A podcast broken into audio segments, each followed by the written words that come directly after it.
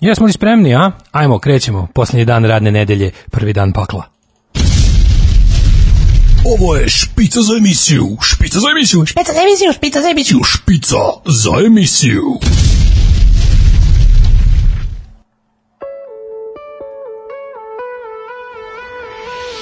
Yeah! Yeah! Srećan vam predstojeći policijski vikend, najgori do sada. A, vežba iz masovne dresure počinje u 17 časova, završava se u ponedeljak u 5 ujutru. Um, nadamo se da ćemo naše gazde i gospodare zadovoljiti svojom servilnošću i poslušnošću i nadam se da ste se dovoljno nagurali između u, ne između, nego ispred svih prodavnica u prodavnicama, ispred banaka, ispred apoteka, u bankama, u apotekama. Nadam se da ste ovaj, um, pokupili šta ste mogli da pokupite i sad idete lepo ovaj, da tri dana, dva i po, ajde da se nalažemo, dva i po dana da to lepo ovaj, kao kvočka ležite na tim, na tim ovaj, jajima i da vidimo tačno šta će od toga biti. Genijalna ideja da se ovaj sve zatvori na na dva i po dana, a pre toga ljudima eh, onako prilično malo vremena ostavi da se opskrbe za ta dva i po dana je naravno usvojena struka je podržala, njoj je hvala i evo imamo ovaj to što imamo. E, malo čitam vaše poruke, evo neko sunce tu zašlo za oblačak, sad postaje, postajem dobri cerić ovde sa ovim izrazima, ali ovaj, da, baš kako sam krenuo i kako sam mislio da će mi sunce bije u oči, pojavio se beli oblak na nebu i skrio su našce iza njega.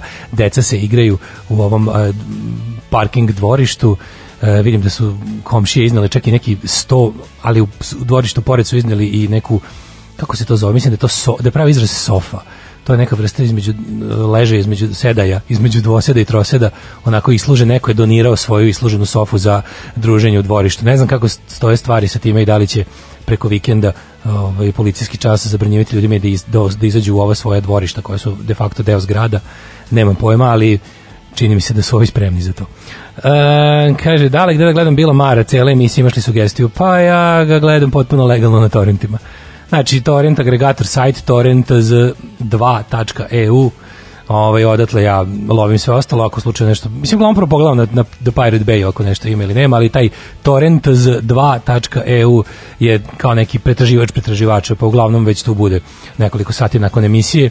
Često bude i na YouTube dok neko ne skine, ali da, Bill Marinač je potpuno genijalan sad u ovim danima radi emisiju iz svoje kuće i ovaj njegova kuća tamo na koliko sam razumeo na nekom na Beverly Hillsu.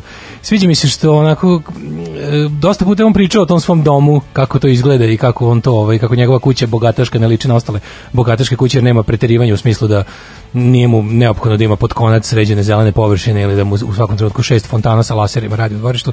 I sad konačno kad se snima u tom svom dvorištu, tačno je onako kako sam i zamislio, onako fino kada je čovjek milioner, a kada ima cool dvorište koje je prvenstveno napravljeno za neku svrhu, a rekao bih da je svrha njegovog dvorišta roštiljanje i duvanje.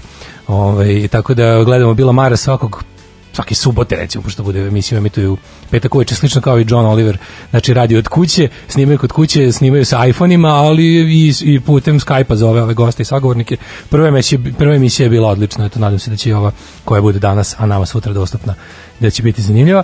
Ove, kaže, posle nekoliko dana izolacije čak i od tebe dale, ponovo sam na času. Loše vesti od početka nedelje. Porodični prijatelji umru od korone, mnogo zamišljena, tužna, ali rešena da i dalje nastavim borbu sa samom sobom uz dosta kuvanja i čitanja. Ljubi vas, e, e, kaže, ljubi vas Biljana. Otko znam u fazonu sam da se predstavim. Da, Biljana. Ovo, izdrži Biljana, jako mi je žao. Mislim, izgleda da je stvarno stiglo od toga da koliko sam primetio, kao što nije bio slučaj u prve 3-4 nedelje, epidemije, sad već svako od nas lično poznaje nekog koji je ili jako bolestan ili čak nažalost preminuo. Može li Čika Stanko da mi čestita rođendan po mogućstvu neki baz kog si? Može jedan i druga, ali prvo da ti čestitam rođendan u epidemiji koronavirusa moramo biti doma, svi moramo bra, moramo biti doma, umrlo ne rekao braćo Svetosavska, ali i vi također, ne samo jer svi smo mi jedno u Isusu Kristu kralju. Srećan ti rođendan, pustit ću ti grupu Zujeće Kurčine. E, kakva je ova verzija Sound of Silence, nemam pojma šta je pustio automatski DJ, ali mislim da je to ona album verzija sa istoimenog albuma Simona i Garfunkla. E, evo, slušamo odmah, palimo, znači ovo je jedno od najboljih pesama. Kad sve ovo prođe, drugari i ja smo smislili da odradimo jednu tribut veče bendu za koji niko nije čuo, mi ga obožavamo, zove se Bad Town Boys, stvar se zove Destined to Lose i da vas malo prodrmam, da budete umorni, da se bolje posle skratite i da ćutite do ponedjeljka ujutru.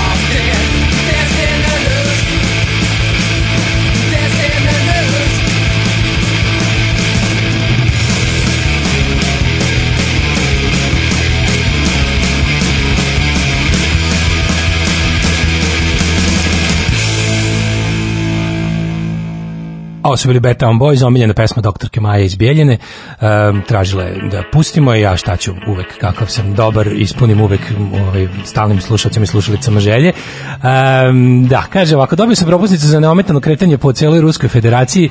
Jedini problem je što sam nasukan u Srbiji. Pa znaš, nije to baš tako ni loše. Pa ti pravo kažem, ne mislim da je ovaj, u ovom trenutku kad bi, morao, kad bi morao da biram između toga da li da budem u Rusiji ili u Srbiji, možda bi čak pre u ovim vanrednim situacijama odabro da budem u Srbiji. Ali s druge strane ja nikad nisam bio u Rusiji, pa možda i nisam informisan da tačno. Samo mi se nekako čini, znaš šta, mene uvek uplaši kada iz nekog kraja sveta, pogotovo kad je tako veliki, kada bi stvarno ono otprilike trebalo odatle da se nešto čuje u svakom trenutku kada je tako kada je tako složna i, i, i grobna tišina to me malo brine, jer jel, iskustvo nas uči da kad Rusija o nečemu jako ćuti da kas, kasnije kad se kad progovori, odnosno kad je okolnosti ili ostatak sveta nateraju da progovore, ovaj to što kaže bude užasno. Tako da nešto ovaj može čak i bolje što što si nam ovde. Um, pa onda ovako čuli za bend imam na CD-u Date with Death, odlični kaže Nemci Berlin Blackout Old School Punk kaže Đoli Šapca a za tebe nisam ni sumnjao da si čuo nego ja ovako generalnu populaciju što bi se reklo Ove, um, pa onda ako slušajući staru emisiju čavkama zakastih na čas. Pa taj je verovatno i bolje E, što manje dijete znaš što si manje nesretan u voćnjacima smo do mraka i ne gledamo vesti i vidiš kako iza tebe ostaje urađen posao. Možda i pustite tu pesmu. Aha, verovatno sam mislio na pesmu Kanjon Drine. A, pustit ćemo sigurno ovaj danas. Ja se iskreno nadam danas ćemo da vidimo ovaj, da će od ponedeljka da mi se pridruži otac Mladen. Zadržat ćemo ovaj neki lagodniji termin. Ako, ovaj, ako nemate ništa protiv, ne, ne bih smo odmah se vratili u naš cik zore, ali bismo odradili ovako, ovaj, počeli bismo da radimo normalno, samo recimo neko predložit ću da to bude tačno u podne od ponedeljka vidjet ću kako se mlade nosića ovaj, u kom je stepenu panike pa ćemo da vidimo a ovaj um, Kaže, hoćemo pesmu Obri me majkom motornom pilom od Patarena. Sad se vratila iz prodavnice, potrošila sam šest i, i po iljada na hranu i nutelu i džin, koji sam ja debil. Pozdrav od radnog naroda, kaže Krudi, posjedujem seljačko rumenilo level, šta znate o zavičaju, dobio dozvolu za rad sutra, nadam se nedelji, uh, može li sad Eye Joe? Ove, e, kaže, to je staro zabranjeno pušenje. Da, znam da je staro zabranjeno pušenje, naravno sa albuma Male priče o velikoj ljubavi, za koji izvisni gospodin na Kupindu traži 20.000 dinara. 20.000 mu se novih godina na čestitam. Ove, e, kako ste vi proveli jučerašnji dan? Ja moram da kažem da sam se ja juče najbolje proveo od početka sranja. Znači, to ka, šta čovjek neće izmisliti? Šta kreativan mlad čovjek punker neće smisliti, to je stvarno čudo. Juče je bilo potpuno genijalno. Pre nekoliko dana smo počeli da planiramo da igramo izvesni punk rock kviz, koji je kao pub kviz koji smo jel igrali, u kojem imam bogato iskustvo ove, iz, ovog, iz pravog života, takozvanog, pošto ovo što sad živimo imitacija života. I ove, u Berlinu u jednom klubu u Berlinu već duži, recimo neki duži vremenski period se organizuje taj punk rock kviz koji je pub kviz, ali sa temom punka, znanjem iz punka i punk rocka i, slo, i srodnih ovaj, muzičkih žanrova. I lik koji to radi, Dario, naše gore liste, dalmatinac čovjek je sad tamo, on vodi taj kviz i smislio je kako čovjek je izmislio jako dobar način da cijelu tu zebanciju koja se radi uživo u kafani prebaci na internet. I uh, jako je to dobro osmislio, smislio je mehanizam gde ćemo se naći sajt, kako ćemo da se uključujemo, mi takmičari, ko će da predstavlja svoje ekipe, kako ekipa između sebe da komuniciraju. I to je bilo toliko zanimljivo, sinoć u 8 smo počeli, sve besprekorno funkcionisalo, igrale su ekipe iz bogom iz cele Evrope, ako ne iz celog sveta. I uh, tri sata smo se tako dobro zabavljali, bilo je potpuno genijalno i najvažnije od svega, mi smo pobedili. Mi smo pobedili, ali je bilo jako, jako, jako interesantno od načina na koji on osmislio ta pitanja, na primjer, potpuno je oduševila igra gde smo uh, pogađali omote bendova, ove, odnosno omote ploča raznih bendova, na koji su omoti ploča sa kojih je on jel, Photoshopom uklonio ime benda i naslov albuma. Trebalo je znati, dakle, prepoznati sam, sam, sam dizajn, samu sliku i još tako pogađanje raznih ovaj obskurnih bendova gde gde je trebalo otprilike pogoditi iz koje zemlje bend dolazi to biti donelo neke poene pošto su bendovi stvarno bili bunar ovaj a, a trebalo je pogoditi na kojem od jel milion svetskih jezika pevaju. Uglavnom bilo je užasno zanimljivo i bilo je super vidjeti jel ovaj tu punk rock ekipu širom širom Evrope kako sedi u karantinu i kako ovaj pokušavaju da se zabave. Uglavnom kažem vam bio je mnogo dobar provod. O, dobre, dobre platforma, mislim, ne mora to da bude uopšte punk quiz, nego dobra platforma za, za, za bilo kakve društvene igre. Ove, tako da, kad prođe ovo sve, dogovorili smo se, inače smo mi planirali da pravimo nešto slično, pa smo planirali da i u Novosadskoj uh, punk hardcore kafani Crni Ovan napravimo jedan ovaj, takav kviz čim prođe situacija. Ja sam se skromno ovaj, proglasio za voditelja i autora. E, sreo sam jutro našeg čuvenog aforističeva mladina. Jel živ? Kakav ten ima? Jel voštanog tena? Jedva smo se prepoznali s maskama, mahnuo mi je kroz prozor kola. Pozdrav od Đola. Ponekad ga sretneš mahne kroz prozor kola. Pa vidi čoveče, šta ti kažem, ja mladena nisam vidio ni jednom od kad je počeo smak sveta. Um, kaže, planira se posle ovog ludila putešestvije sa bratom Rusom, slušalac kolima do Ru. Imaš li petlji da nam se pridružiš? Pa naravno da imam petlji. O, ja hoću, pa vi znate da moje davnašnje želju, ja bih želeo da prođem celu Rusiju, bukom. Ja bih volao ako može da idem kopnenim putem do Vladivostoka. Um, kaže, evo ti još jedno nepopularno mišljenje, bolje da si u Rusiji, tamo su bolje ribe. Sad bih se posvađao ozbiljno. Nisu. A ja sam juče kad sam dolazio na posao, ljudi vidio toliko lepu devojku i toliko zgodnu, da ja prosto nisam znao šta da radim. Toliko, pa sam posle to zaboravio kad je počela emisija. Te ja sam sve vas da pitam, šta čovjek da radi kada vidi toliko lepu devojku na ulici, da jednostavno, ne znam, zaboravio sam jezik, matematiku, poznavanje prirode, sve. Bilo je potpuno neverovatno. Evo vam smici. Thank you.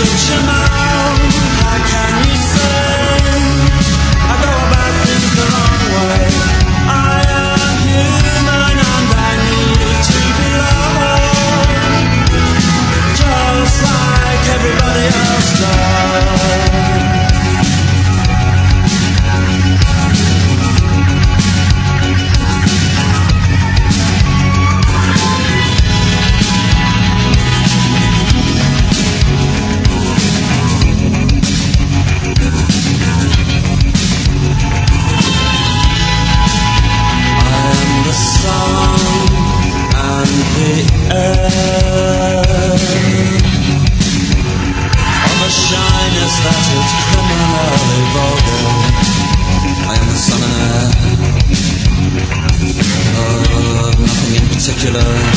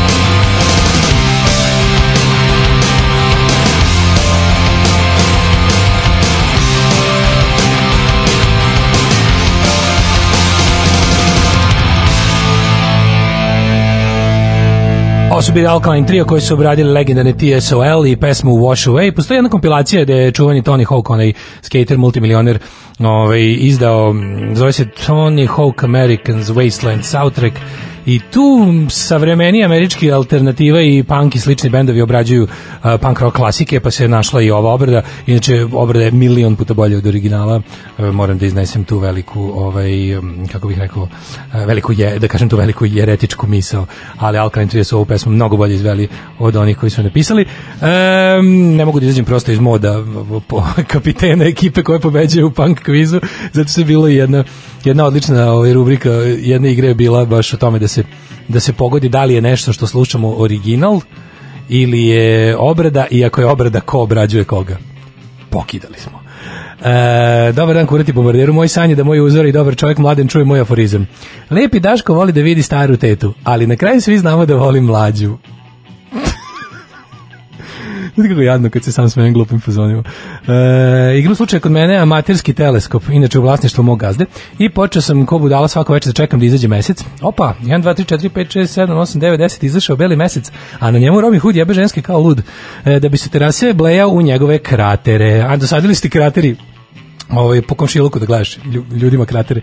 Nikad u životu me to nije zanimalo. Pre izlaska meseca vreme prekraćujem tražeći Veneru, da, ovaj, kako nisi prvo pregledao ceo, da, možda nema, možda, možda je konfiguracija terena tako da ne možeš da viriš drugim ljudima u stanove mlađe. Ja kad smo imali ovaj njegov teleskop u našem prethodnom, ne, pred prethodnom studiju smo uspeli da vidimo nešto ovaj, što nije u domenu astronomije uopšte ali u domenu Slobodana Stankovića. Um, kaže, ja stvarno pitam, jesu li ribe stvarno toliko lepe ili do izolacije? Forca, lepota, dolji, doli fašizam. Um, prvo, jesu, lepe su naravno, najlepše nas nasvit su kod nas ovde, to da znate, to je jedini ovaj patriotizam koji priznajem i koji je apsolutno van svake sumnje dokazan, um, naučno, empirijski i ostalo. Uh, a drugo, ljudi, napaljenost je ogromna. Napaljenost u, u, narodu je, to, mi to je jezivo. To ja mislim, ja, mislim, mi sad kad prođe epidemija ovih, ovih, ovaj, ove epidemije, treba se pazimo epidemije ovih polno prenosivih bolesti. To kad krene, mislim će biti bačene po ulicama.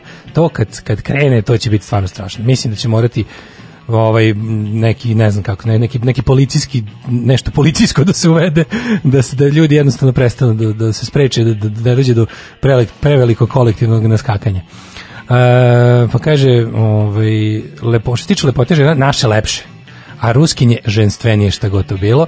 Ovaj e, kaže, kad vidiš lepu curu na ulici, pita je da li stigne da izađe. Um, u roku od 5 minuta sam saznao da sam dobio posao koji čeka mesec dana i da me neko zveknuo na parkingu. E, to ti takozvani win some, lose some, ali mislim da je win some pobedio. Šta smo imali juče? Juče smo imali onu konferenciju za, za novinare, takozvana struka. E sad, mislim, da, da malo da porazgovaramo o struci. Kako ćemo to mi sad, kako ćemo, kako ćemo na kraju kad sve prođe da, da, da sudimo o struci? Evo, moje, moje, moje dugotrajno razmišljanje bi išlo otprilike ovako.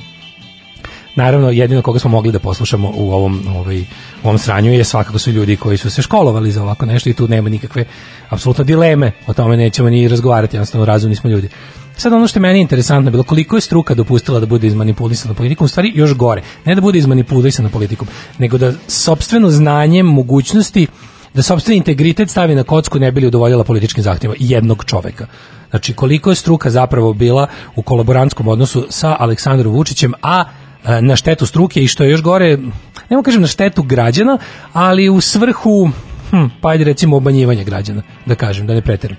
Zato što ovaj, e, videli smo jednu onako po meni jednu amplitudu. Znači, kad je krenulo, videli smo jedan onako pf, mešani mešani, mešanu reakciju struke, ali u principu ispod, ispod nivoa, ispod nivoa struke. Zato što kada je on glavni kreten od struke izašao i, i kretenisao, pristojni deo struke, stručni deo struke je gledao u pod.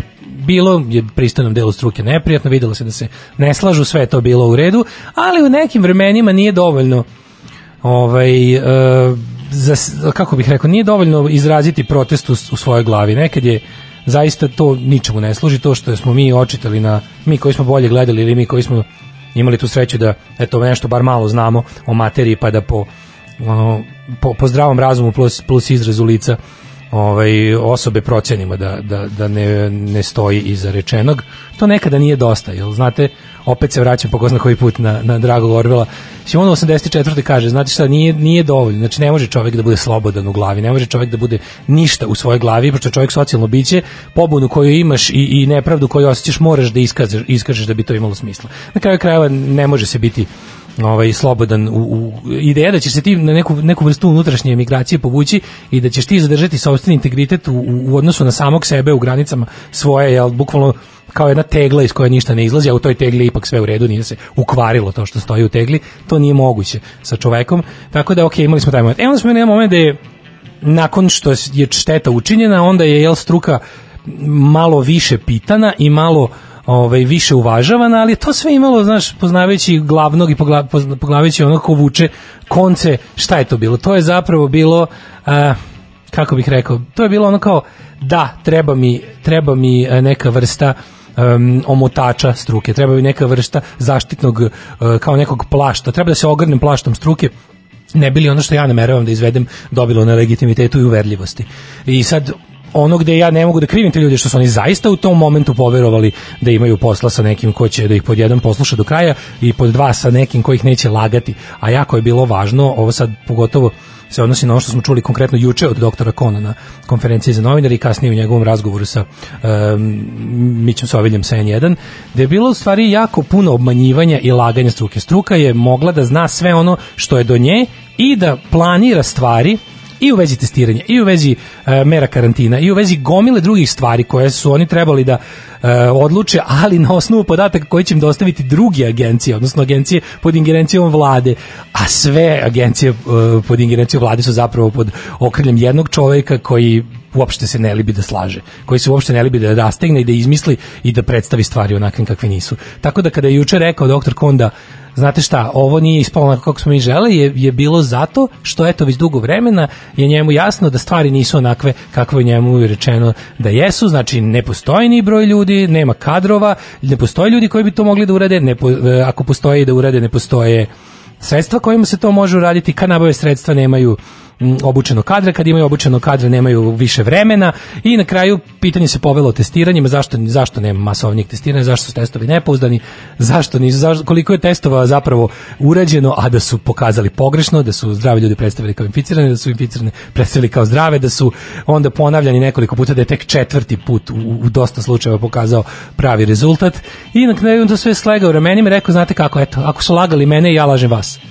Mislim, to je lepo, onako za anegdotu i lepo, ali jednostavno ne mogu, žao mi je, ono kao ne mogu, zato što stvari koje očekujemo od sebe i stvari koje očekujemo od ljudi koje poznajem, očekujemo od ljudi koji su se prihvatili jako odgovornog i važnog posla. Ja razumem da on nije mogao prvi dan dođe tamo kaže "E, Vučiću marš u pičku materiju ga nas pizdi pesnicom uz vilicu i kaže ti nemaš pojem. To mi je jasno da nije moglo i da se to ne može raditi. Ali ideja da te neko već toliko dugo vremena vuče za nos i koristi tebe i tvoj ugled i tvoj integritet profesionalni da stalno nešto odlaže, zamajava, da te koristi večito kao platformu sa koje će da, da priča to što priča, ja ne znam kako to neko može da dopusti. Na kraju krajeva čini mi se da je tome kraj, bar što se tiče doktora Kona, jer vidim da je juče čovjek ozbiljno popizdeo na ono što se dešava i da više stvarno ne zna sad mi je jasno da više i ne zna čovjek kako da se postavi. Eto. To je otprilike neki moj utisak o struci u ovom svemu. Ali, ovaj, ne znam, šta vi mislite? Uh, 066442266, a mi ćemo da čujemo Lloyda Cole.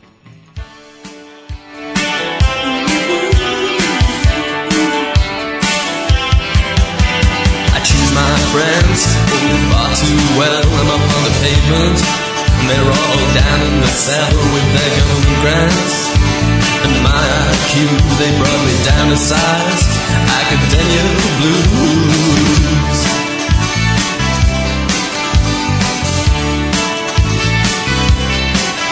Louise is a girl. I know her well. She's up on the pavement. Yeah, she's a weather girl, and I'm staying up here. So I may be undone. She's inappropriate, but then she's much more fun. And when she smiles my way, my eyes go out in vain. She's got perfect skin. Shame on you, got no sense of grace. Shame on me. Just in case I might come to a conclusion other than that which is absolutely necessary, and that's perfect skin.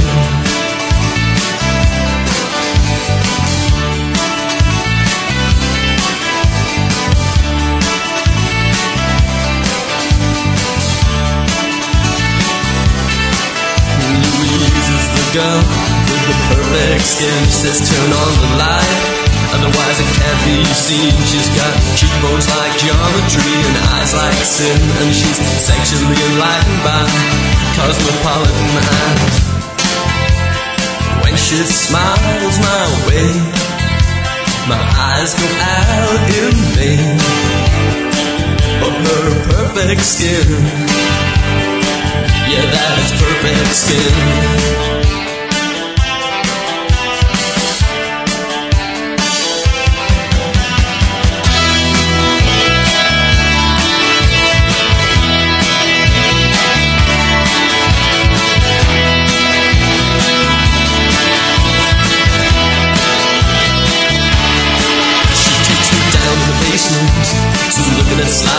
Of a family life.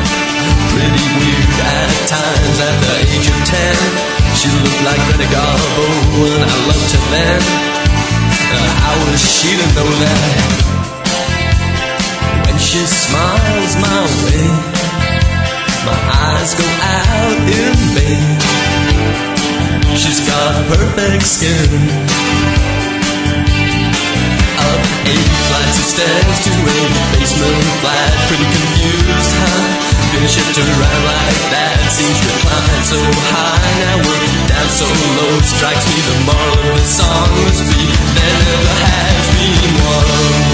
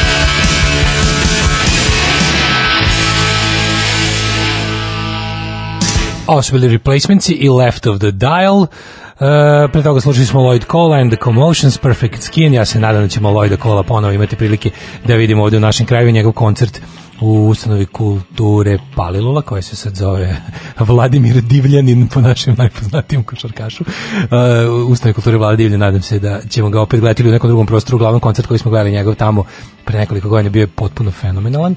Um, da, e, čitamo malo poruke, pitao sam vas malo da prodiskutujemo o, o, ne o stručnosti struke, nego o moralnom držanju struke, to bi recimo bila tema. E, konju napređenu sanitarnog potpukovnika, da, to je poslednja vest koju sam video, to mi malo isto nije jasno, napređenu sanitarnog potpukovnika, sad, on je civil, koliko ja znam, moguće je, čitajući njegovu biografiju, Saznao sam da je specijalizirao epidemiologiju na VMA, znači na Vojno medicinskoj akademiji. Ja nemam pojma, iskreno da budem, ja znam koja je praksa uh, uh, kada se završi vojna škola, vojna akademija i kada, se, kada, kada si vojni lekar, odnosno kada u zdravstvo ulaziš kao, kao voj, kroz vojsku, onda imaš čin, onda si vojno lice, onda možeš i e, tvoje stručno napredovanje vezano i za tvoje vojničko napredovanje, ovaj, to jest kako ti raste čin, trebalo bi da ti raste i vojnički status u smislu specijalizacije i ostalih stvari. E, sad, da li, je, da li to isto važi za neko ko je kao civil došao da specijalizuje nešto na VMA zato što na civilnim fakultetima to nije bilo moguće, da li ti ostaje nekakav ono vanredni e, ili kako se kaže rezervni čin, pa sad to u stvari nije mi jasno kako je sada odjednom unapređen i da li uopšte naprediti nekog mislim, trebalo bi da je taj čovjek onda pre toga bio major da bi bio napređen u potpukovnik i da li je to u sanitarnoj, sanitetskoj, kako već službi ovaj, drugčije, ništa mi nije jasno, uglavnom, znate šta je tužno? Tužno je što ovaj, ukoliko je to sve uh, ukoliko to sve nije, ukoliko on stvarno nije na neki način vojno lice, makar i rezervni oficir, i, a ovako, mislim, to samo doprinosi našem opštem utisku da ovde države nema, da ova država jednostavno, da ovo što da Srbija nije država, nego grupa ljudi koje povezuju plemenska i nepisana pravila, uglavnom uvezana tradicionalnim načinom razmišljanja i, i e, nepisanim pravilima plemena u, u koje, za koje je bilo koji vid e, kako bi rekao, institucionalnog organizovanja velika nepoznanica i, i lutanje. Um, kaže da je bio major, ok. Ove, konj je rekao da je major, znači ima čin, ok, onda je ovo, sve, onda je ovo sve u redu i, i, i moguće je njegovo unapređenje. Um, šta mislim s obzirom ko je na vlasti dobro smo i prošli onaj tekst iz Hrvatske što većina na Twitteru pa je isto podelila Vučiću bukvalno vrhunski ništa se nema dodati već e, da svi pročitaju to slažem se bukvalno je bio jedan od onih stvari koje sam gnjavio ljude da što više šeruju da stvarno da, da dođe do što više ovaj očiju. Apsolutno sam siguran da e, je to i tekako pogodilo vrhušku zato što vidim kakve su sve kakve su sve ništarije i nitkove takozvane uticajnike unajmili da peglaju to sve, ali što je bilo jako tužno, čak i te ljude koji su najmili da peglaju te tekst, oni su to toliko vulgarno i jadno uradili, odmah skačući na nacionalističke pozicije. Tipa, aha, evo šta Ustaše, nije ni čudno, danas je 10. travanj, dan NDH, šta će Ustaše, nego, ja, stani, čekaj, marš u pičku materinu za početak, a drugo, ovaj tekst je od pre tri dana. Čovjek koji ga je pisao je ono ako ništa drugo najpoznatiji ono um, čovjek koji se bori protiv ustašluka svim svojim ono telom i dušom. Bio je i na udaru tamo kako bih rekao desničarskih krugova i, i, i, same države zbog svog angažmana. Tako da izvinite ta priča o tome da neko prvo taj tekst je napisao neko ko voli Srbiju. Znači odmah da odmah da, da bude jasno. Način na koji je napisan je takav da uopšte ne priča o tome da kao e kao ono ja bogata ti gavno nego je baš je bila varijanta ono izvinite ono ako ste uspeli da i naša korumpirana zemlja, kakva Hrvatska nesumnjivo jeste, uspe da deluje toliko napredno u odnosu na, na Srbiju, znači da nešto jako nije dobro u Srbiji, a ne bi nam niko ukazivao to. Čak nema nikakve naslade u tekstu, nego jednostavno je u fazonu kao jadni naši susedi šta su doživeli. Tako da ono a drugo, pokažite mi netačnost u tekstu, to je još važnije. E, koga misli da može da se povuče u sebe, ignoriše ono što se dešava oko njega, neka pročita dnevnik Ane Frank.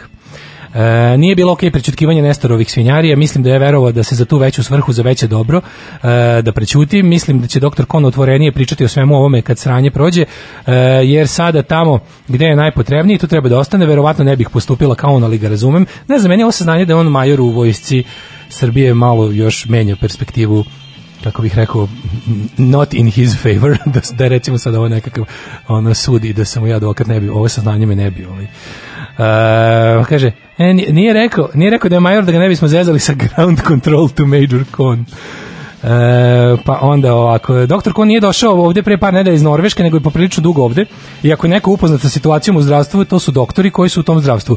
Kako ti obmaneš neko ko je decenijama tu da nečeg ima, čega nema, to meni ne pije vodu, nije naše zdravstvo od februara loše opremljeno, loše organizovano i sa manjkom kadra, ne sumnjam u njegovu stručnost ni malo, ali žao mi je neprihvatljivo opravdanje. Pa ja sad ovde moram opet da budem njegov o, ovaj drveni advokat i da kažem, nije on rekao da ne zna kako je stanje u zdravstvu loše, on je konkretizovao dosta stvari. On je ono zbog čega je on meni opet nakon recimo ono nedelju dana idenja aktivno meni na živac, mi je opet bio juče onako dobar zato što je rekao, zato što je rekao, meni su ljudi od kojih sam ja išao da tražim garancije da bi nešto bilo. Na kraju krajeva meni su ljudi za, za čije babe zdravlje sam ja i stavio reputaciju na kocku, e, obećali da nešto može da se izvede. Znači imao sam čvrste garancije vrha države, to je zna se čije, da se ne laže, imao sam garancije Aleksandra Vučića, alfa i omega cele situacije, da nešto postoji, da nešto može, da je nešto uopšte imamo. E, ispostavilo se. Znači, zato mi je bilo nekako, znači, vidio sam taj neki povratak, ono, pa da kažem dostojanstvo, ono, je bilo jednostavno rekao, ono,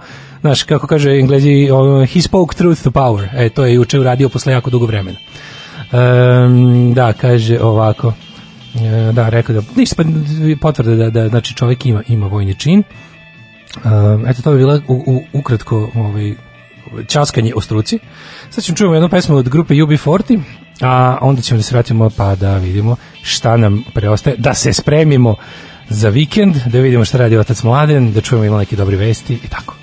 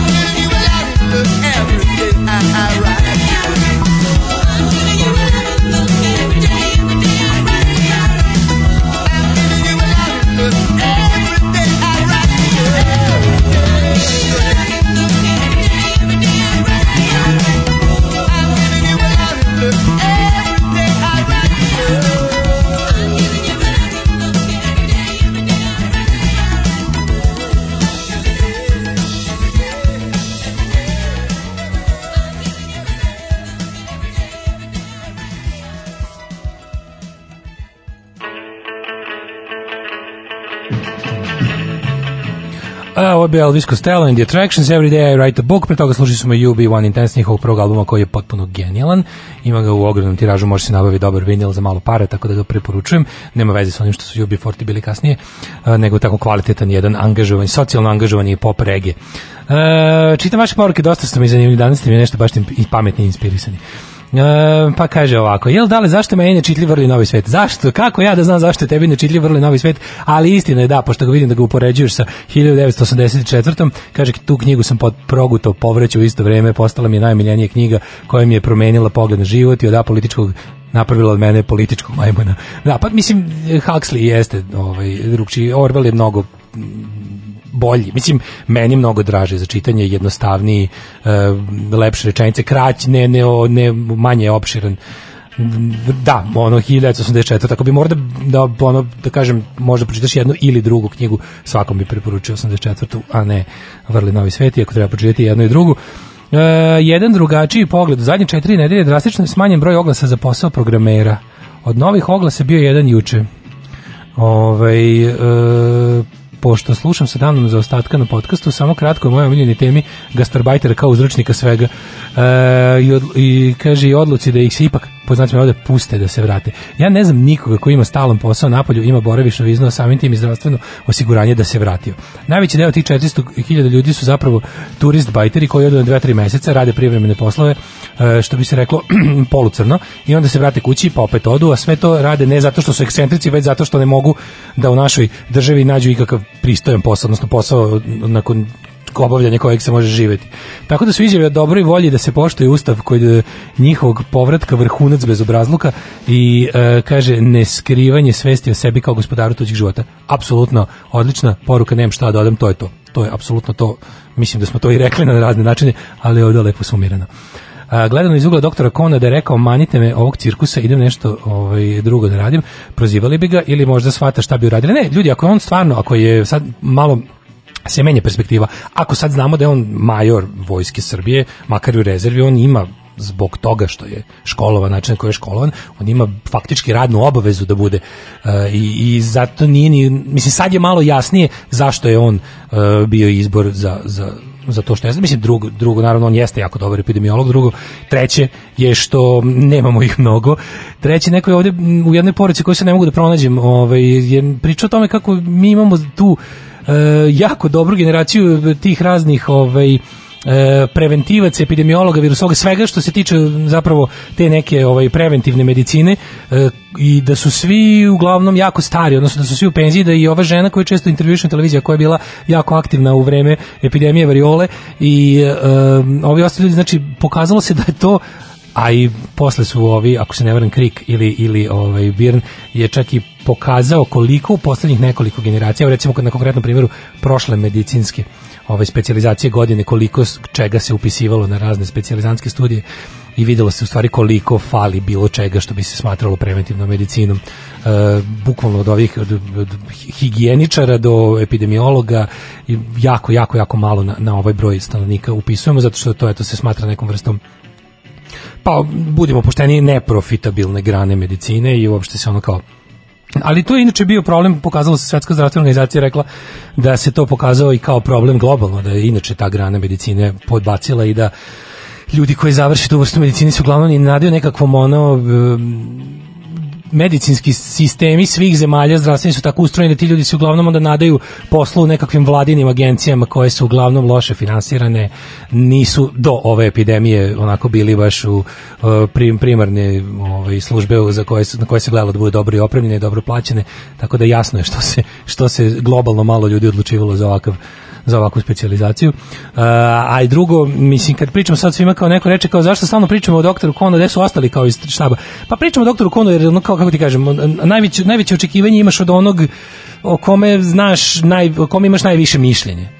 Znaš, i onda ako znamo, ako, ako svaki dan saznamo neke nove, e, ne samo zakulisne, ali i zakulisne informacije, ako svaki dan čuješ nešto novo o nekome, pa formiraš sliku o tome na osnovu toga svega, onda ti je jasno, primjer, kad jasno ti je da je zašto je, zašto je neko tu. Za, za kona smo mogli da budemo prilično sigurni da je tu zbog stručnosti i zato eto sad znamo i da je da je da je ovaj da je da je rezervni oficir. A drugo, ovaj znaš, za ovog znamo da je član SNS, ovaj jedan član jeste direktor ovaj ako se ne varam infektivne, on je ono kao Vučićev čovek, čovek sa one liste potpisivač onog apela. Isto možemo, mislim, s druge strane, Darija Kisić Tepavčić takođe ne znam ništa o njenom ne mogu da sudim o njenoj stručnosti i, i znanju i naučnom ovaj kredibilitetu ali mislim najestradnija je od svih njih. Najviše se najviše se uživala u idenje po pinkovima najviše je najviše je ono i na kraju krajeva dopustila je da postane u celoj toj frci. Naravno da će on iskoristiti svakoga koji se puno ne ovaj ko se puno ne usprotivi, ali nekako je ona najviše dopustila da bude opet e, sredstvo u rukama SNS-a da ovi ispadnu moralne vertikale. Mislim, ja stvarno ne znam kako iko na svetu može da dopusti Draganu Jevučićiću da ga uzima usta. Znači, na bilo koji način. Jednostavno, kad bi krenuo da me branje, bi rekao, prestani odmah istog momenta. Znači odmah istog momenta, znači ne treba, treba da mi doju, ako ti imaš jedini crevo s, e, i vodu u ulici, a meni gori kuća, pustit ću da mi izgori kuća. Tebe mi stvarno ne treba ništa nikako. Sad kad je on tu već sedam dana nam, mi slušamo sedam dana iz naprednjačkih usta samo o tome kako je Darija Kisić Tepavčić žrtva neviđenog opozicionog seksizma na internetu.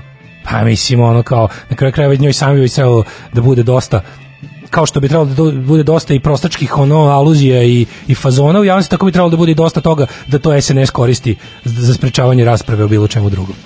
E, pa kaže ovako, moja sestra prošlog maja u London, zdravstveno i sve, neće sad da se vrati. Ovaj, kad smo kod 1984. kontam da se danas u Srbiji dva minuta mržnje počinjemo sa 11, na kad, go- po, e, kaže, ha, promenjeno je na 11, na kad god je konferencija obraćanja velikog brata za taj e, dan i ta dva minuta psovanja traju mnogo duže od 120 sekundi. Da, samo što dva minuta mržnje su indukovane od strane ovaj, e, režima za neprijatelje režima u knjizi. Uh, pa onda ovako, je Kisićka zaovo sa Kuburovićkom. A o majko milo, sve ko bolji život, stvarno, stvarno jeste ko bolji život. Stvarno je sve ko bolji život. Kad čuješ ovu Brnabićku da, da zove Vučića šefe kao Dare i Giga, ono, majke mi. Bilo mi smešan ovaj Đilas u, u utisku nedelje kad je rekao, mislim, super, super je rekao, kad je rekao, ono, ne mogu više da ih slučam kako govore drugim šefe, kao da, kao da je u pitanju neka automehaničarska radionica. Mislim, bukvalno to sam ja pomislio, samo što nisam pomislio na na ovaj automehaničarsku radionicu, nego sve vreme mi u glavi bolji život. Da ono je Dara je Ana Brnabić, a Vučić je ono dobri giga koji ono koja kojeg ova ono otprilike voli, zato on tako eto blag i divan i sve bi za njega učinila i zakrpit ćemo i sako ako treba. E, pa onda ovako. Kaže, u e, jutro sam slušao emisiju od juče u trenutku kad si pomenuo umetnika, pesnika, bio sam uđen da ćeš u Springsteenu, čudi me što do sada nisi, a ova pesma od UB40 mi zvuči kao da su specials i da, dosta sličan je bio taj e, period u muzici. Sad slušamo Dead to Me, a ja lovim oca mladena ovaj put uspešno.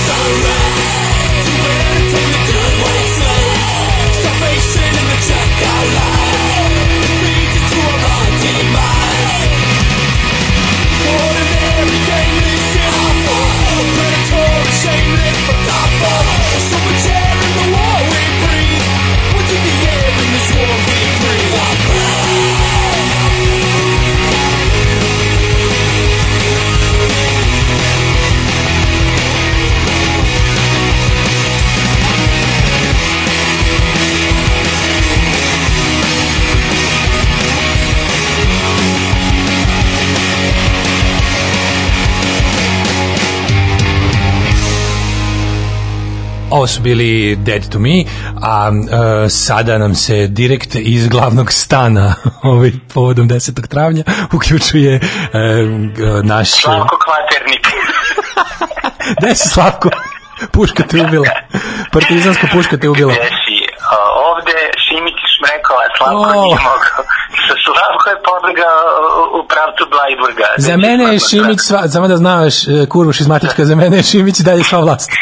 Dalje snagu svekao, ajde bre, molim te, ovi, mi ti tako, mi ti kuću, malte, malterišemo, ti bi nas pod nož. Čuveni Došli ti na kuću raditi iz muhe. čuveni Jeste, radi se o filmu Zdravka, Skendere, Šotre, e, ovi, Noć u kući moje majke, e, Po materi. po materi, da. Po materi. Mladene, ceo razred, ceo razred je doneo bombone i pita se, hoće li te od ponedeljka slušati? E, još nedelju dana i onda dolazi. A, još nedelju dana imam ovi kako se zove da pozavršavam moje moje preglede ovi, radio sam Ultrazvuk. još neki da ove stvari produživanje, produživanje i skraćivanje nekih delova eto šta da ti kažem tako da slomilo, se, slo, slomilo se srce na 15 mesta, deca ostaju, eto, aforizmi. No, ostavim aforizmi, to je jedna sad, ne zašto neće da se vrati da bi predstavio i aforizmi. To je, to je jedini razlog zašto se, da se ja vratim. Ove, to je jedna stvar, ja to znam. Ali drugo, ja moram da pazim jer ko će da vaspitava ova dva deteta. Da, nema niko da vaspitava dva deteta. Što bi rekao drug, ovaj, majstor Hranislav iz o, filma, ovaj, Gorana Dakle, ako sam dobro razumeo, znači treba još da se izvede konci od produžavanja penisa, da se izbeli Tako je. anus, da se šta nisi, šta si je, još radio? Tako, je, bio sam u Belijanusu, ne znam da si bio nekada u tom mestu Belijanus, ovaj, išao sam tamo kod jedne vračare i ovaj, dobio sam ovaj, mrtvačku vodu i siljevala mi stravu, sve sam odradio. Tako da ovaj, uradio sam još m, a, vađenje rebra. Konačno ću moći da ti popušim. Sam meni ćeš moći. da, zato sam izvadio rebro. Moći ćeš nešto meni. Hoću da me nešto boli. Da, da, pa kako udarao bi te ja po glavi, nije problem. Da, pa eto, viš kako si divan čovjek. Pa znam ja šta ti voliš, mislim, dugo smo zajedno već, znam ja. Pa znam ja ti, ne valja, što mora po glavi. mora, A po čemu da te udaram, izvini, ako to radiš, ja nemam tolike ruke, ja mogu sam glavu ti dovati. A, pa ima načina, postoje načina, ja svašta mogu da uradim da napravim da Dobro, sada, vidi, sad kad ne budeš imao rebra, moći ću možda da te pljeskam pod upetu dok to. Ako se sklopiš u kuži. Zato i vadim rebra, da mogu da se savijem. Da to sve ovaj, bude spektakularnije, jel da? Jeste, jeste, jeste. Pripremam se za biće nevjerojatno, znači biće to promene pola, biću bela, biću niska, plava, pegava, ovaj, devoj, devojka. Crnkinja. ne, crnkinja, već sam crnac. Znači, niska, plava, pegava, bela devojka. Lesbejka. Od visoke, visokog crnog momka, patanka, koji je otišao, vraća se ovaj niska, c- plava devojka. Šta fali? Dobro. Ka- Da li si čuo da na, najnovije si se, sprije, si se pripremio, za vikend, policijski vikend? Ja sam sredio sam za policijski vikend, alkoholi smo HB ovaka, navukli smo od trgovačkog papira, ovaj, pisaće ovaj narod, znači drhti vlast, u strahu su od novih aforizama, a ovaj, ne mogu da, znaš kako, botovi ne mogu ništa aforizmu. Znaš, Da, ovako to je istina. poslati- Da, aforizam je najmoćnije oružje odmah posle, Pa posle da, svega. Ti možeš, znaš, ti možeš poslati ovaj, naš armiju botova da, ovaj, da lupa minuse, ali ne može, znaš, ne znam šta će, da ne znam na kako izađe na kraj sa kvalitetnim trgovačkim papirom na kome je napisana nekvalitetna pošalica koja je jasno samo autor. Aforizam parališe, to je apsolutno Pa to tačno. je, Pogotovo da, tvoj da, aforizam, tvoj. Moj aforizam posebno parališe i mene dok ga pišem svaki put. Verujte meni, ja teško. Svaki put kada napišem ovako nešto, jedan deo mene premine, jedan anđel izgubi krila. Postaneš Tako da, popularni reper Preminem. Da, tako je. Za kraj, za kraj tvog današnjeg javljanja i ovo nedeljnog, e, da čujemo taj aforizam. Da čujemo...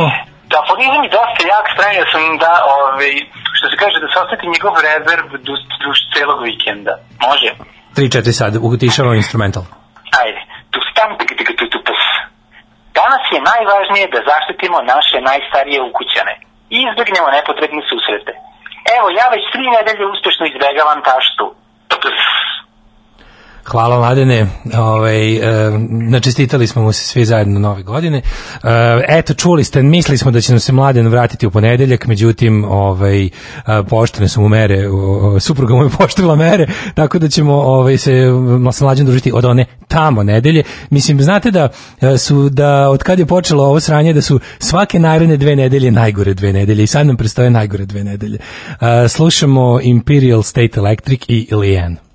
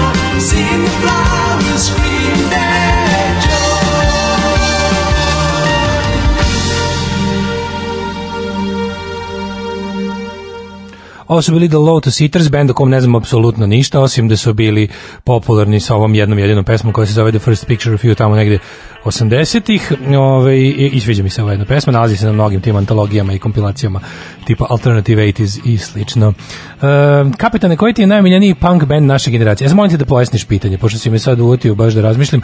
Da li misliš da band osnovan 80-te, pošto smo generacija, jel? Ili misliš na band koji čine članovi našeg godišta tu negde, tipa godinu dodaj ili oduzmi. Pa, fa, mislim, svi ovi bendovi koji su sada aktualni, koji, koji sad stvaraju dobre stvari su ono naša generacija, ja bih rekao, Re- recimo Alkaline Trio, mislim su oni, su oni smo mi vršnjaci, recimo nikad nikad mi nije palo na pamet da vidim koji su godišnji članovi Alkaline Trio benda kojeg puno volim i kojeg smatram jednom, jednim od najboljih aktivnih bendova. Um, morao bih još malo da razmislim. Mm, Nije mu lako dobrom čoveku koliko mu traje ta restrikcija kad je morao da rebro izvadi i da produži VS još nedelju dana. E, kaže, ne znam, izvinite što kasnije ste čuli da je Đorđe Davitelj izašao iz bolnice. Kako je? Nije, sad traži. Izjavio je, naći ću onoga kome je upljuvao. Pošto je on ubeđen da ga neko, pošto je jako važan, ovaj, ubeđen je da ga neko, da mu je neko, ovaj, da ga neko planski, da, da mu je radio takozvani koron, COVID-19 atentat, da je neko planski kinuo u njegovom pravcu koji je bio ko- ko- koronaran. E, da, i pogrešno reći virus COVID-19, to, to, to sam primetio da mnogi govori, da je u mnogim medijima pogrešno. Znači, e, COVID-19 znači coronavirus disease, znači to je već bolest. Koronavirus je ono što izaziva bolest, bolest se zove ovaj e, COVID-19. E, tako da, da znate. E, kaže, ja plačem za mladenom svaki dan, ja plakaćeš još nedelju dana, pa onda ostani još nedelju dana kad si već povodio rebre i zadovolji sam sebe, samo da ti ne izbele anus. E, pa onda ovako, šta mislite, će li dalje Kisić Tepavčević da bude nosilac neke liste na izborima koji slede? Da, imam neke svoje ovaj kako bih rekao mislim da postoje neki ljudi koji oni što bi se reklo grumuju i pripremaju za za ovaj nosilace lista tu mislim da će se naći oni kao tipa oni za koje kao nismo znali da su bliski SNS-u, ali, ali pošto SNS okuplja samo najbolje i naj, ovaj, kako bih rekao, među nama, osjećam da će tu biti mesta i za Dariju, i za Igora Jurića, i za tako te neke, ono, znate već neki tip ljudi koji bi tu mogao da se nađe. Um, da, Ajmo ovako, za kraj sam vam ostavio za kraj našeg današnjeg druženja, sam vam ostavio jednu ovako književnu preporuku. U, boga mi, ovo će danas da bude baš po meni, meni dosta ovako težak zadatak, zato što ću da vam predstavim svog omiljenog pisca srpsko-hrvatskog, preciznije srpskog jezika, da budem ovaj, potpuno precizan. E, I tu sam u jednoj jako čudnoj situaciji, da predstavim svog omiljenog pisca sa ovih prostora, recimo da možda deli prvo mesto sa njih dvo- dvojica ih je, ali ajde da kažem, kad bi morao isto ono pištolj u glavu pa da me nateraju da odaberem jednog, jer ipak bih rekao da je to Borislav Pekić. Borislav Pekić je moj omiljeni pisac na mom maternjem jeziku, ovaj, tu na tom prvom mestu s njime postolje pobedničko deli Miroslav Krlež, ali ovaj, za mrvu bih ipak ovaj, preferirao Pekić, jer sam da li sam ga, da li sam ga duže čitao, više čitao, ranije počeo ili šta već, uglavnom zauzima ovaj, posebno i veliko mesto u mom srcu. zašto mi je danas ovo posebno ovako čudno se osjećam. Prvo što prvi, prvi put od svih ovih pričica koje vam svaki dan ovaj pričam, pričam o nekome ko je do, domaći pisac, ali manje više to nije toliko važno koliko što je on jedna bio značajna politička figura. E, I on je Borislav Pekić dok je moj omiljeni pisac je u isto vrijeme i moj e, politički pa kako neisto mišljenik u, u, da se blago izrazim, ne mogu da kažem da mi je neprijatelj ili protivnik, ali recimo politički dosta onako imam političkih neslaganja, sa, imam neslaganja sa njegovom ličnom, ovaj, njegovim političkim mišljenjem kad ga imao, čovjek je već dugo vremena ovaj, mrtav i e, interesantno sa mnogim piscima koje su stvarali u periodu s, ovaj, Socijalističke federativne republike Jugoslavije, za neke se mogu da pretpostaviš ovo ili ono. Borislav Pekić je u tom smislu bio mnogo, po, dosta pošten i intelektualno dosledan za to, to koliko je on protivnik eh, tadašnjeg režima i koliki je protivnik Jugoslavije ovaj je bilo jasno i za vreme njegovog života. E, nikada to nije krivo isplatio je visoku cenu zbog toga i s te strane ga zaista moram ceniti. S druge strane nije za razliku od mnogih e, koji su bili na ovaj ili onaj način um, pri, primoci raznih privilegija tog režima i te zemlje 90. godine se, da je okrenuo priču i počeo da priča nešto drugo kao gomila dobrih pisaca koji su se ispostavili kao loši ljudi za Borislava Pekića ne mogu nikako da izjavim uh, ni da je bio loš pisac ni da je bio loš čovjek zapravo je bio odličan pisac i bio dobar čovjek jedino se eto ne slažemo politički a možemo i o tome da prodiskutujemo rođen je 1930. godine u Podgorici E, njegov otac bio je dosta onako visok činovnik u, u vladi Kraljevine Jugoslavije. I zbog toga, zbog njegove službe, e, oni su se često seli, tako da je Borislav Pekić je bio, živeo je dosta i recimo u Vojvodini, živeo kao, kao dečak, pa je, ove, selili su se selili su se dosta, upoznao je bukvalno baš cijelu Jugoslaviju, živjeli su i u Bosni, i u Vojvodini, i u Hrvatskoj, i u Crnoj Gori. I uh, drugi svetski rat izbio je kad je on imao 11 godina. Nakon završetka drugog svetskog rata Borislav Pekić našao se zbog svojih jel, već formiranih političkih ubeđenja, upisao je studije, upisao je, upisao je ovaj, um, filozofski fakultet u Beogradu, ali dobro, to je tek bilo kasnije, nakon što mu se desilo, što mu se desilo, a desilo mu se to da je zbog toga što je bio pripadnik tada ilegalne organizacije Savez demokratske omladine Jugoslavije, to je bila ovaj, uh, omladinsko krilo demokratske stranke koja je nakon posljednjih izbora 1946. stavljena van zakona, sva ovaj, politička scena tadašnje Jugoslavije bila je ispunjena isključivo komunističkom partijom Jugoslavije koja će kasnije postati savez komunista. Uglavnom sve ostale političke partije bile su ilegalne, samim tim i demokratska stranka.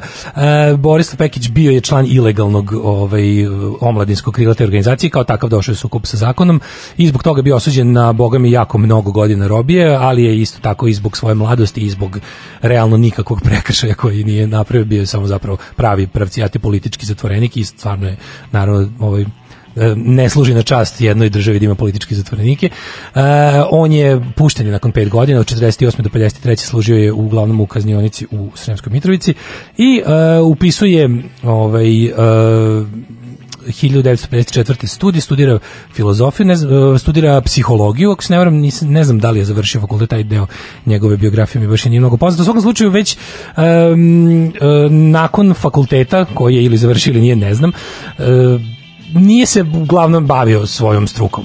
On je želeo da piše i to je ono što ga je od uvijek privlačilo i bio je dobar pisac, bio je dobar pisac još i kao e, kao srednjoškolac, kao gimnazijalac se već izdvajao kao dobar e, pripovedač.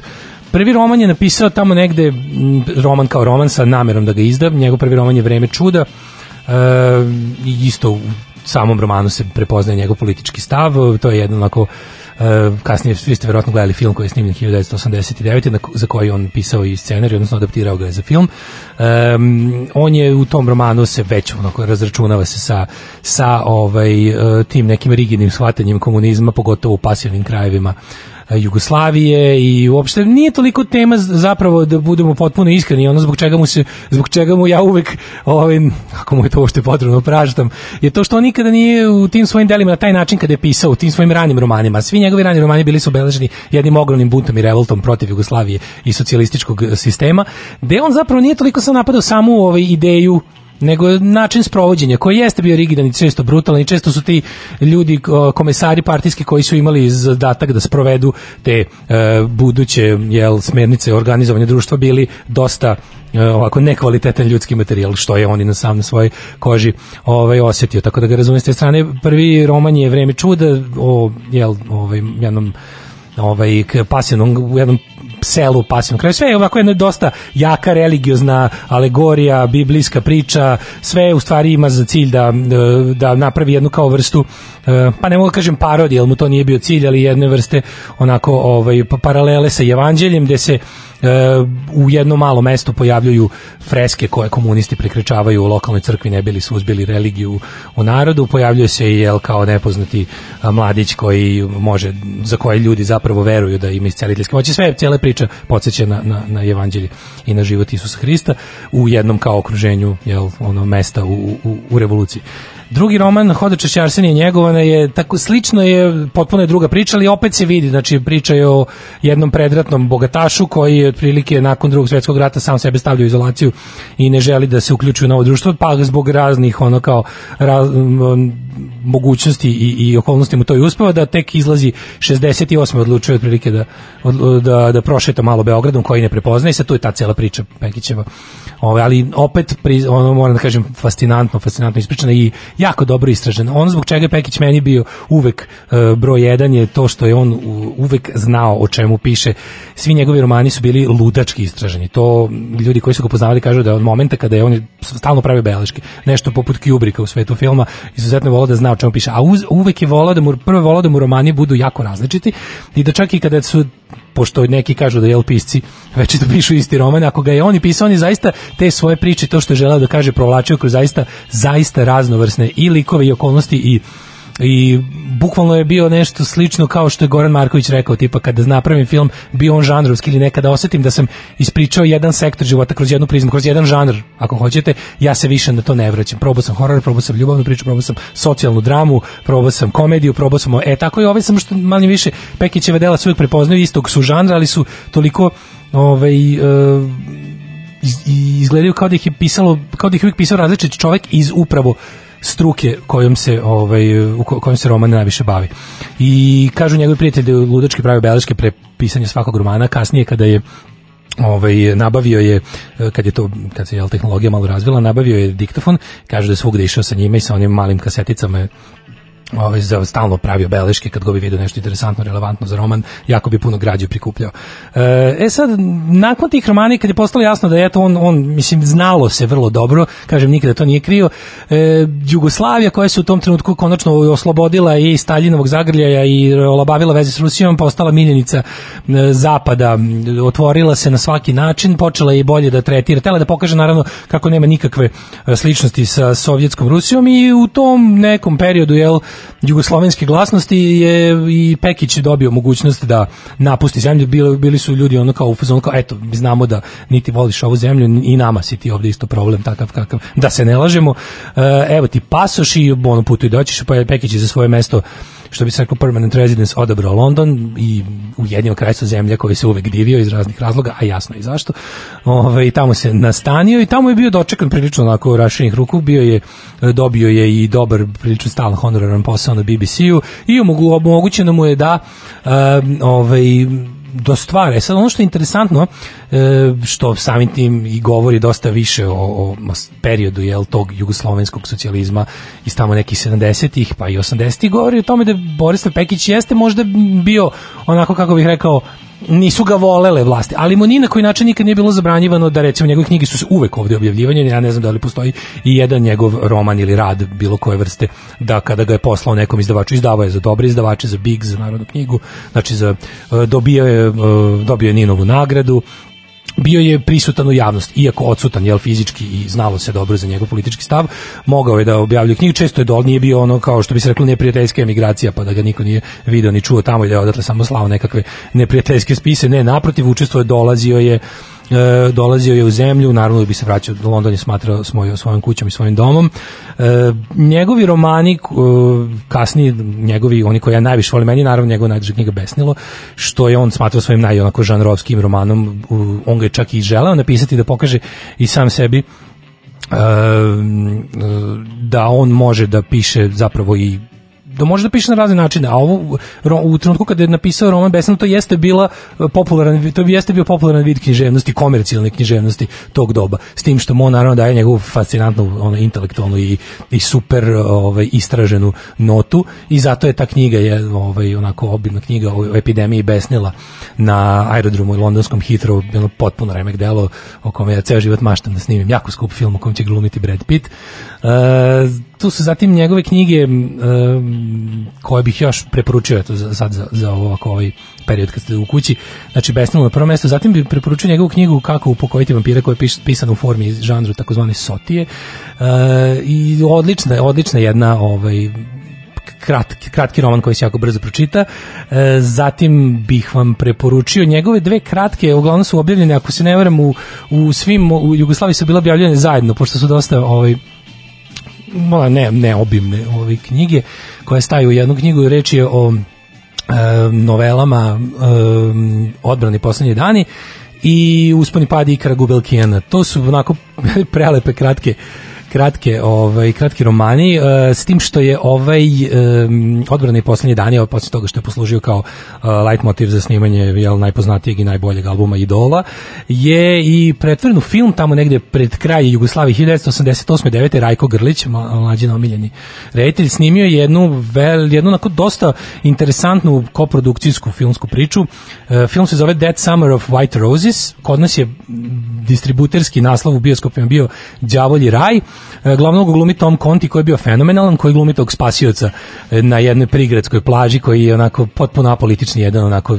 zamlata od čoveka koja niti ima intelektualnih niti bilo kojih drugih ovaj, nema niti intelektualnih kapaciteta niti nekakvih ambicija da se bavi nečim ako takozvani običan čovek kojem se desi e, to da pred kraj rata od davljanja vidi radi kao spasilac na prigradskoj plaži na reci vidi čoveka koji se davi spasi ga ispostavi se da to da je to ovaj visoki ne- no, ovaj nacistički ovaj oficir i sa kako dalje teče njegov život, kako je to izgledalo u vreme dok su još okupatori bili okupatori, a kako se na to gledalo nakon što su nakon što je došlo oslobođenje.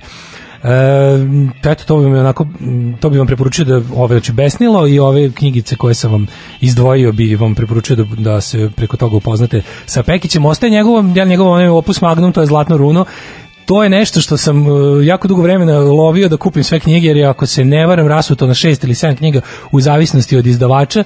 I to sam rekao, to sam sačuvao sebi da čitam u penziji. Ja još te knjige nisam pročitao iako je Larsenija njegovana znam iz knjige.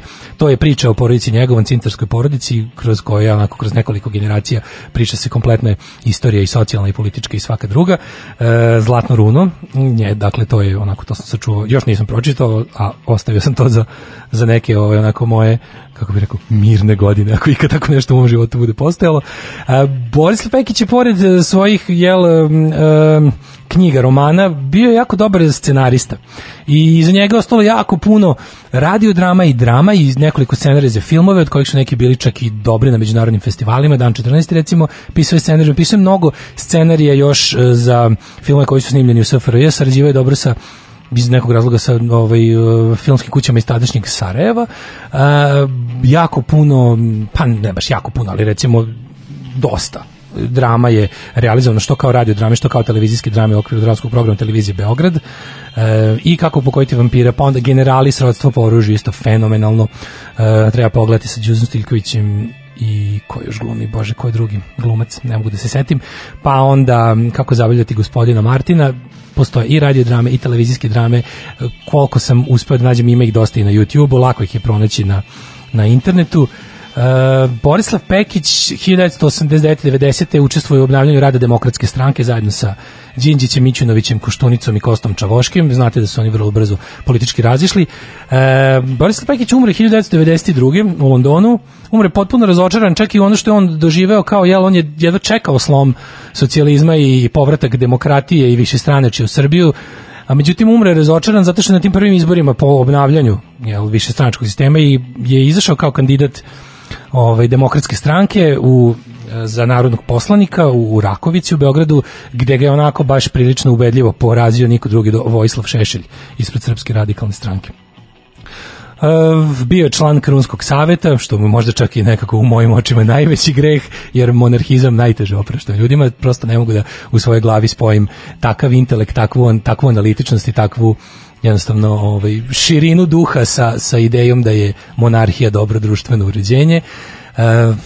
Na, iza njega ostala supruga Ljiljana i mislim da ima ćerku. Uh, uglavnom, Srpska napredna stranka i gradska vlast digli su mu spomenik na Cvetnom trgu 2016. Zanima me šta bi on imao njima njima to, povodom toga da kaže, ali to nažalost nikad nećemo saznati. I eto, čitajte Pekića i ovaj, čujemo se u ponedeljak kad prođe policijski vikend. Za kraj slušamo Echo and the Bunny, meni pesmu Rast, ovaj band o, obožavam, nikad vam ovu pesmu, ja mislim nisam pustio, to mi je njihova omiljena stvar i u mojoj glavi, ne znam zašto, me ova stvar podsjeća na neke Pekićeve romane, eto, nema nikakve veze, samo ja tako povezujem. Eto, ostajte zdravo i bezbedno, čujemo se.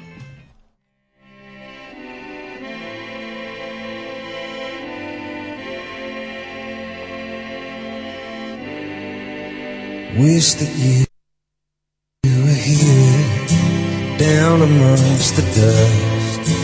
Need someone to help me. You need someone to trust. There's something in these tears turning me to rust. I need someone to help me. You need someone to touch. Give me one more try and I'll come fleeking back to you. Wish that you were here, wish that it was true. I can feel the stars shooting through my heart like rain. Leaving all the scars where the pleasure turns to pain. Bring in the light, bright and shining red direction, take me home again.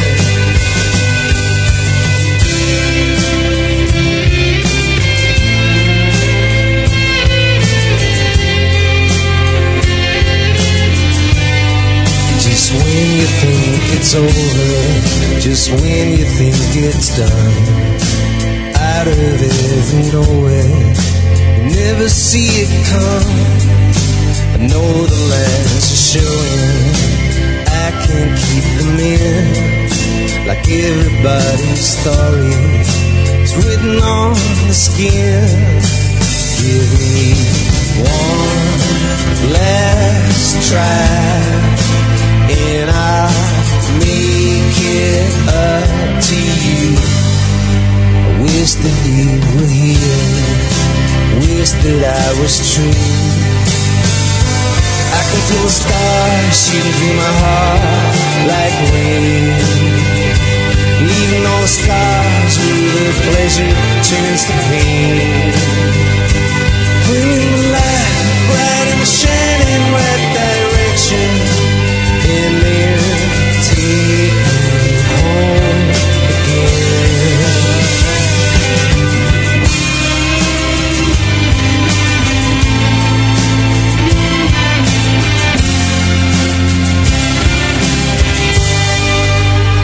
wish that you were here, down amongst my dust. Need someone to help me. You need someone to trust. There's something in these tears turning me to rust. Wish that you were here. Wish that it was us. I can feel the stars shooting through my heart like rain. Leaving all the scars where the pleasure turns to pain. Bring light, bright and shining